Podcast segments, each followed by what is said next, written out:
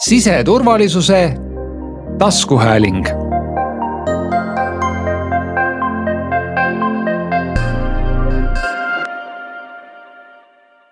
tere taas kuulama siseturvalisuse taskuhäälingu erisaadet. täna räägime õigeusust ja julgeolekust me viitame täna siis kahekümne viiendal septembril esinenud Venemaa õigeusuku kiriku patriarh Kirilli väljaütlemistele, kus ta väitis, et äh, sõjas surma saanud inimesed saavad kõik oma padud andeks ja on olnud siin ka teisi viiteid äh, sellistele õhutustegevustele, mida Eestis varasemalt ei ole sallitud ja ei peakski aktsepteerima. niisiis selgitame täna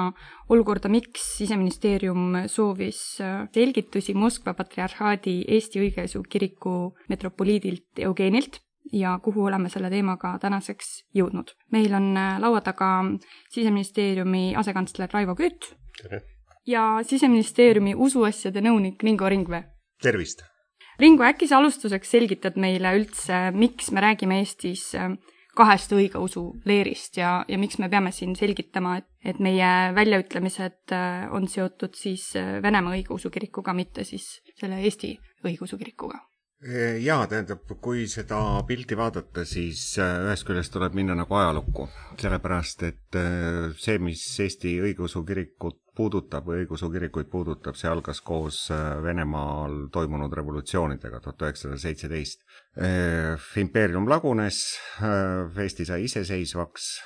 tuhat üheksasada kakskümmend andis tollane Moskva patriarh Tihon autonoomia siinsele kirikule ja aastal tuhat üheksasada kakskümmend kolm see siinne õigeusu kirik, äh, tollase nimega siis Eesti Apostlik-Õigeusu Kirik, äh, liitus äh, Konstantinoopoli patriarhaadi. oli iseseisev kirik kuni aastani tuhat üheksasada nelikümmend, siis kui saabus Nõukogude võim, korraldati ümber ka kiriku elu koos Nõukogude võimuga. teise maailmasõja ajal Eesti Apostlik-Õigeusu Kirik taastas mõneks aastaks oma iseseisvuse aastal tuhat üheksasada nelikümmend neli Vene Õigeusu Kirik likvideeris selle kiriku siin ja kirik, Eesti Apostlik-Õigeusu Kirik säilitas siis oma järjepidevuse eksiilis kuni aastani tuhat üheksasada üheksakümmend kolm, kui kirik naases Eestisse, taastas oma tegevuse siin ja sellele järgnes äh, ligi kümme aastat kestnud niinimetatud kirikutüli, kus siis äh, Eestis Nõukogude perioodil tegutsenud Vene Õigeusu Kiriku Tallinna piiskopkond tahtis ennast äh, tuvastada Nõukogude-eelse perioodi kiriku ehk siis Eesti Apostlik-Õigeusu Kiriku õigusjärglasena ja sealt tulid ka varade küsimused, sellepärast et omandireformiga, kellele tagasi antakse, nendele, kes olid Eestis kuusteist juuni tuhat üheksasada nelikümmend, tol hetkel oli Eesti Apostlik-Õigeusu Kirik ainukene õigeusu kirik Eestis, kellele siis ka varad kuulusid ja kes omandireformi õigustatud subjektiks kuulutati. ja Moskva patriarhaadi kirik registreeriti Eestis aastal kaks tuhat kaks, nime all siis Moskva patriarhaadi Eesti Õigeusu Kirik ja noh, selles üheksakümnendatest aastatest peale me saamegi siis rääkida nagu kahest kiriklikust institutsioonist Eestis et ühelt poolt Eesti Apostlik-Õigeusu Kirik, teiselt poolt siis Moskva Patriarhaadi Eesti Õigeusu Kirik. ja miks meile on nüüd oluline, et äh, just see Moskva Patriarhaadi Eesti Õigeusu Kiriku juhtkond ja nemad ütleksid oma seisukohad äh, selgelt välja, miks Siseministeerium neid nõudis? võib-olla jällegi me kasutame siin nagu kohe asjade selgitamise juures sõna nõudmine. et äh, võib-olla see ei ole kõige olulisem sõna või rõhk sellele nii nagu siin oli, äh, kõlab kogu aeg see nimetus Moskva patriarhaadi Eesti õigeusu kirik, siis sellel sõnapaaril Moskva patriarhaat äh, ongi täna see ju rõhuase. ehk siis nii selle sõja alguse juures, kus Vene Föderatsioon Ukrainat ründas, selle alguse juures tekkis üles see diskussioon, et äh, missuguses positsioonis on Vene õigeusu kirik ja see on nagu jätkunud kogu aeg ja nüüd nagu siin alles hiljuti Vene õigeusu kiriku patriarh, Moskva patriarh avaldas oma seisukoha, mida Eesti ühiskond hästi üheselt defineerib sõja õhutamisega, vaenuga ja see on meil keelatud tegevus. nüüd jõuamegi sinna, et sellesama siis Vene Õigeusu Kiriku äh, niisuguseks äh, orgaaniliseks osaks, ütleme nii, on ka siis äh, Moskva patriarhaadi Eesti õigeusu kirik siin. ja, ja, ja sellises usulises õpetuses nad tegelikult ka rangelt alluvad äh, sellele äh, kirikule, mistõttu me ju kohe ühiskonnas üheselt mõistame, et see seisukoht, mida ütles välja patriarh, seesama seisukoht on kogu sellel organisatsioonil, kes on Eestis. ja see oligi see tõukekoht, kus oli vaja selgitust. kas see on nii, kui see on nii, siis tuleb võtta vastavad sanktsioonid ja kui see ei ole, siis seda saab välja öelda väga selgelt selle kiriku pea, antud juhul siis metropoliit Jevgeni. Ja see oligi see, nii kui see avaldus tuli, nii ka me kohe pöördusime kiriku poole siin, Moskva Patriarhaadi Eesti Õigeusu Kiriku poole Eestis, kutsusime neid enda juurde, et vestelda sel teemal, et mis mõju see tegelikult, see patriarhi äh, väljaütlemine siin ühiskonnas tekitab, missugust äh, julgeolekuohtu see loob, mis suhtumist see tekitab selle kiriku suhtes ja millised on need väljapääsuvõimalused, et ühiskonda rahustada selles küsimuses. Ja nii me jõudsimegi järeldusel, nii et, et Moskva Patriarhaadi Eesti Õigeusu Kiriku pea ja tema meeskond eh, peavad Eesti üldsusele teada andma oma seisukohad selle konkreetse siis väljaütlemise osas ja, ja sellisele kokkuleppele me jõudsimegi no et anda seda mahtu või, või selgitada, kui paljusid inimesi see siis Eestis otseselt kõnetas, eh, erinevatel andmetel on, on siis hinnatud, et Eestis võiks olla Moskva Patriarhaadi Eesti Õigeusu Kirikul umbes sada seitsekümmend tuhat liiget. Neid liikmeid on meie mõistes ju palju. Ma tuleks kõigepealt selle numbrimaagia juurde, et äh, tegelikult meil on umbes nelisada tuhat inimest, kes siis ühte või teise religiooni ennast kuuluvaks peab, õigeusku nendest umbes kakssada tuhat kolmkümmend tuhat siis Eesti Apostliku Õigeusu Kirikusse ja, ja, ja sada seitsekümmend tuhat Moskva Patriarhaadi Eesti Õigeusu Kirikusse. veel on oluline siin öelda seda, et kui me räägime Moskva Patriarhaadi Eesti Õigeusu Kirikust, siis nii vaimulikkond kui ka siis usklikkond ei ole monoliitne etniliselt, et oleks näiteks ühest rahvusest, kas siis vene või, või eesti, seal on erinevast rahvusest inimesi, paiknevad üle Eesti, ei ole jällegi mitte ainult ühes piirkonnas mis on veel maagia, eks ole, on see, et et kui nelisada tuhat on neid, kes natukenegi teavad usuorganisatsioonidest, on siis kas usklikud või tihedamalt seotud, teavad sellest, kuidas seal jumalateenistusi läbi viiakse, mida seal üldse kõneldakse, mis viisil ja ja mida silmas peatakse, noh, siis äh, ülejäänud Eesti rahvast sellega seotud ei ole aga eksperdiks on nad kohe kindlasti nendes küsimustes ja, ja saavad äh, aru ja selles mõttes on väga oluline, et see kogu meie Eesti rahvas, kogu ühiskond, kuidas nemad tajuvad, kuidas nemad tajusid seda, kui äh, patriarh ütles need äh, sõnad välja. sellest tulenevalt tuleb ka reageerida. nii et tähtsad on kõik, kõik Eesti elanikud ja loomulikult need, kes on otseselt selle religiooniga ennast seotud, et ka nendel oleks selge et nad ei saaks mingisugust plekki või mingisugust asja külge, et näed, kes te olete. nii et, et see on, see on selles mõttes väga kaalukas. kui me räägime sellest saja seitsmekümnest tuhandest, siis see on kiriku enda andmed.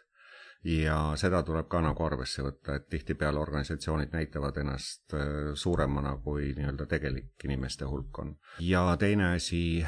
noh, kui me vaatame kas või seda Moskva patriarhaadi õigeusu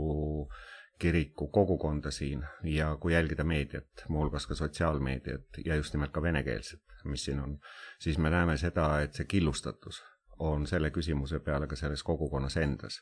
et siin on ju kirjutatud, sõja alguses oli üks apell, mis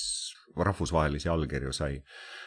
praegu on teine apell, kus sooviti, et metropoliit Jevgeni võtaks selge sõnumi, et ta ei ütleks, et natukene on nii ja natukene on naa et äh, see tähendab seda, et ka siinsel kogukonnal, kui me räägime sellest nii-öelda venekeelsest õigeusu kogukonnast, on see ootus äh, nii-öelda selge sõnumi järele. sest et äh, noh, me ei saa jätta ka seda tähelepanuta, et võib-olla meil siin on kusagil keegi Dima, kes on Vene kodanik, kes on sellises vanuses, et ta kuulub mobiliseeritavate hulka, kui ta jaoks on tähtis näiteks religioon, eks ole, ta vaatab, mida kirik ütleb ja kui kirik ütleb, et äh, saad kõik oma patud andeks, elu on läinud nagu nii halvasti, et äh, muud varianti enam ei ole, siis äh, lähedki sinna sõdima. et see on nagu selles suhtes üks selline motivaator, mis, mis võib olla, aga et see, et need küsimused on ka kogukonna sees üleval ja noh, ma arvan, et meie kõigi huvi on see, et ka see kogukond oleks nii-öelda kaitstud, jah. no ma ei tahaks seda nimetada kui usukriisiks, aga on käi-, välja käidud ka seda sõna, et kas Eestis on tekkimas ähm, äh, usupõhine julgeolekuoht või ähm,, või näeme me siin selliseid äh, tagamaid, et ähm, Moskva patriarhaadi mõju kasvatamiseks on Kreml elavdanud oma tegevust ja, ja võib seda võib-olla kuidagi ära kasutada, et meil on tekkimas selline lahkheli äh, usuliste sees tuleme ikka sinna juurde, et tegelikult see julgeolekuline maailmavaade siis näiteks Ukraina sõja küsimuses jookseb mööda inimesi, mitte mööda religioone et siis selles mõttes on äh, seesamane situatsioon, mida siin ka Ringo kirjeldas, et on erinevaid inimesi, kes kuuluvad, neil on oma maailmavaade, neil on oma suhtumine sellesse sõtta ja sellesse maailmakorda, aga nad kuuluvad samal ajal väga paljudesse erinevatesse ühiskondlikutesse organisatsioonidesse, sealhulgas äh, kirikud, kogudused. nii et me sedapidi nagu noh, kuidagi liigitada ei saa, aga see, et Moskva patriarhi Eesti õigeusu kirik allub Vene õigeusu kirikule või Moskva patriarhile õigemini siis. see side, niisugune alluvusolukord tekitab sellise julgeolekuohu, millise siis suhte ja kattevarjus, et mis positsioone võtab äh, Vene õigeusu kirik Venemaal, neid omistatakse absoluutsena kohe ka äh, sellele meie Moskva patriarhi Eesti õigeusu kirikule ja sedapidi loob nagu sellise julgeolekuohu, mille varjus siis kas tegelikult ka toimub sellist mõjutustegevust või vähemalt näilisus jääb, et see toimub. ja siin on oluline just nimelt, et selle kiriku juhid võtavad ja selgelt distantseerivad ennast, aga riik omalt poolt peab ka tegema maksimaalselt oma inimesi nende ohtude eest kaitsta, sealhulgas usuvabaduse tagamise eesmärgil ja no tähendab, kui Venemaast rääkida, siis ei saa ju mööda sellest, et teda on kirjeldatud ka kui hübriidriiki tähendab selles mõttes, et see, mida meie võib-olla mõistame siin religioonina või kultuurina või noh, millena iganes, on äh, Vene riigi struktuuris ka alati üks selline mõjutamisvahend. ja noh, kas ta nüüd Eestis tekib või, või on tekkinud see julgeolekuoht, me peame siin mõtlema ka nagu ajaloo peale sellepärast, et kui me vaatame nagu üheksakümnendatele aastatele näiteks, siis äh, tollane kirikupea siin, Moskva kirikupea siin, kutsus ju üles äh, ka noh, võiks öelda, et otsesõnu rahutustele et äh, asjad väljuvad tänavatele, asi läheb kontrolli alt välja, et meil on see kogemus nagu varasemast olemas. Ja noh, kes minevikust ei õpi, see minevikust ei õpi ja kõik võib halvasti lõppeda. et selles mõttes meil on see ohutaju olemas ja noh, kui me vaatame ju kas või siin olgu see kohalik poliitika või muu, noh, kiriku kaudu on püütud mõjutada või tähendab, see on nagu üks sellistest mobiliseerimisvahenditest, et äh, seda ei maksa ära unustada, nii nagu Raivo ütles, et, et me räägime inimestest ja siin tulebki võib-olla seda vahet teha, tähendab, mis tihtipeale kas meedias teistel kiriku inimestel jääb samamoodi see meelest ära, me räägime ühelt poolt inimestest, aga teisest küljest me räägime institutsioonist. ja meil ei ole probleem mingite konkreetsete inimestega, kui konkreetsete inimestega tekib probleem, siis nendega tegeletakse, aga meil on see küsimus sellest institutsioonist, mis on seotud öö, otseselt Vene Õigeusu Kirikuga, ka Vene Õigeusu Kirik omakorda seotud Kremliga, seal on samamoodi need ajaloolised sidemed olemas, et see on lihtsalt nagu üks selline problemaatiline kimp. kas äh, tänane kohtumine äh, metropoliit Eugeeniga tõi mingisugust uut selgust selles teemas? noh, kõigepealt on väga oluline, et et metropoliit ja, ja sinood üldse siis äh, Moskva patriarhaadi Eesti Õigeusu Kirikust enda avalduse tegid, kus nad distantseerisid selgelt ennast sellest äh, patriarhi äh, mõtteviisist ja ideoloogiast. see on avalikkuse jaoks väga oluline. Mm, mõned küll ütlevad, et noh, see on üks kiri, et noh, mis seal ikka, vastati teie küsimustele. täna me veendusime vestluses, et, et metropoliit äh, mõtleb tõsiselt ja, ja mõned on sellest nördinud, kuidas patriarh sellist sõnavõttu tegi meie loomulikult riigina peame veenduma, et nüüd see usutegevus on ikkagi see põhitegevus, mille, millega see kirik siin tegeleb, inimeste teenimine ja heaolu tagamine neile, et selle raames, selle kattevarju all seda mõjutustegevust ei toimuks, ehk siis meie tegevus selles osas jätkub ikka edasi. ja me arutasime ka seda, et mis siis saab, kui jälle juhtub olukord, kus äkki patriarhil tuleb äh, mingisugune sõnavõtt, äh, mis absoluutselt põhjustab jälle meile seda tormi. sest see, praegu on küll seda seisukohta väljendatud ja nii edasi, aga me peame olema veendunud iga päev. Ja üha uuesti peame olema veendunud nii meie ühiskonnana kui meie riigiametid, et seda tegevust ei toimu, nii et see võib tähendada, et mingi ajahetke tagant tuleb korrata seda, eks ole, kas seda sel viisil või siis uues kontekstis, et sellist mõjutustegevust siin ei tehta. Aga täna ma saan selgelt öelda, et täna selline oht ei ole realiseerunud. see, et see suhe selle kiriku vahel on edasi, see jääb, seda, see ära ei ole muutnud. Omavaheline suhtlus ja see, ehk siis selle ohuna jääb, jääb ta nagu õhku kogu aeg, aga me peame veenduma selles ja ka metropoliit saab sellest aru ja ta on valmis seda alati selgitama, et sellist sellist olukorda siin Eestis ei eksisteeri kuidas me eristame seda üksikisiku ja organisatsiooni vastutust, et ma saan aru, meil on välja pakkuda nii-öelda mõjutusi või, või vahendeid üksikisikute puhul, aga, aga kuidas me seda organisatsiooni vastutust saame siin hinnata? jaa, no aga... eks see on niimoodi, et ju Eesti on õigusriik ja, ja selles mõttes see vastutus, millest vahepeal ka, kui me räägime sellest või selgitame, et igaüks vastutab oma tegude eest, et, et need vastutuskohad on üles loetletud siis karistusõiguses kohe teatud paragrahvidena. Ja, ja selles mõttes noh, see ei ole nagu ju ähvardus või noh, ütleme midagi, vaid see on nii.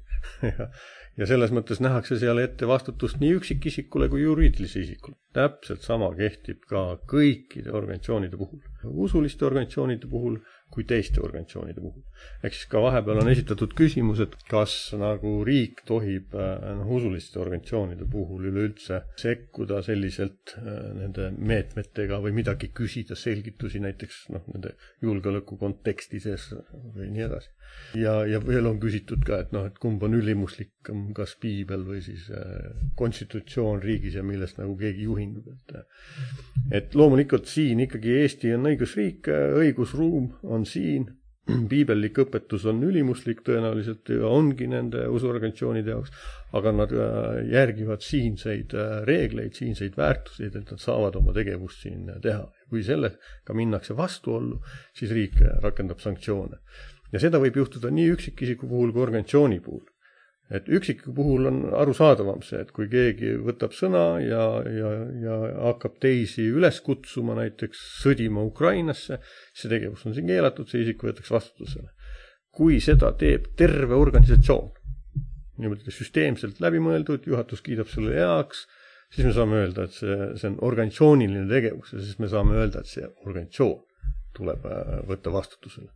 nii et, et seal kuskil need piirid jooksevad need, neid ongi keeruline kirjeldada siin, et kuidas see täpselt siis on, see nõud-, see tuleb välja selgitada, tõendada, noh siis äh, riigi poolt, et kuidas need asjad täpselt välja nägid, ja siis vastavalt võetakse sanktsioonid, nii et olgu öeldud, praegu sellist ohtu Eestis ei ole,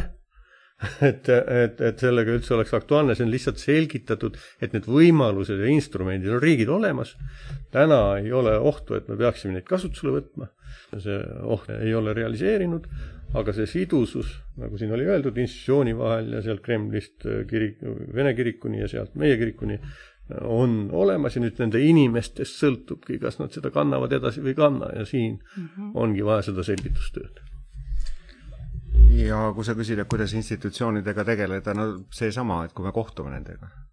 et see ongi see üks viis, et äh, inimestega käib see ühtemoodi, aga institutsioonidega me räägimegi inimestega ja, või tähendab institutsioonide esindajatega ja sedakaudu see kõik kujuneb. aitäh, Ringo ja aitäh, Raivo, et seda teemat äh, täna aitasite avada. loodame, et äh, rohkem selliseid vestlusi regulaarselt tegema ei pea. aitäh teile! Siseturvalisuse taskuhääling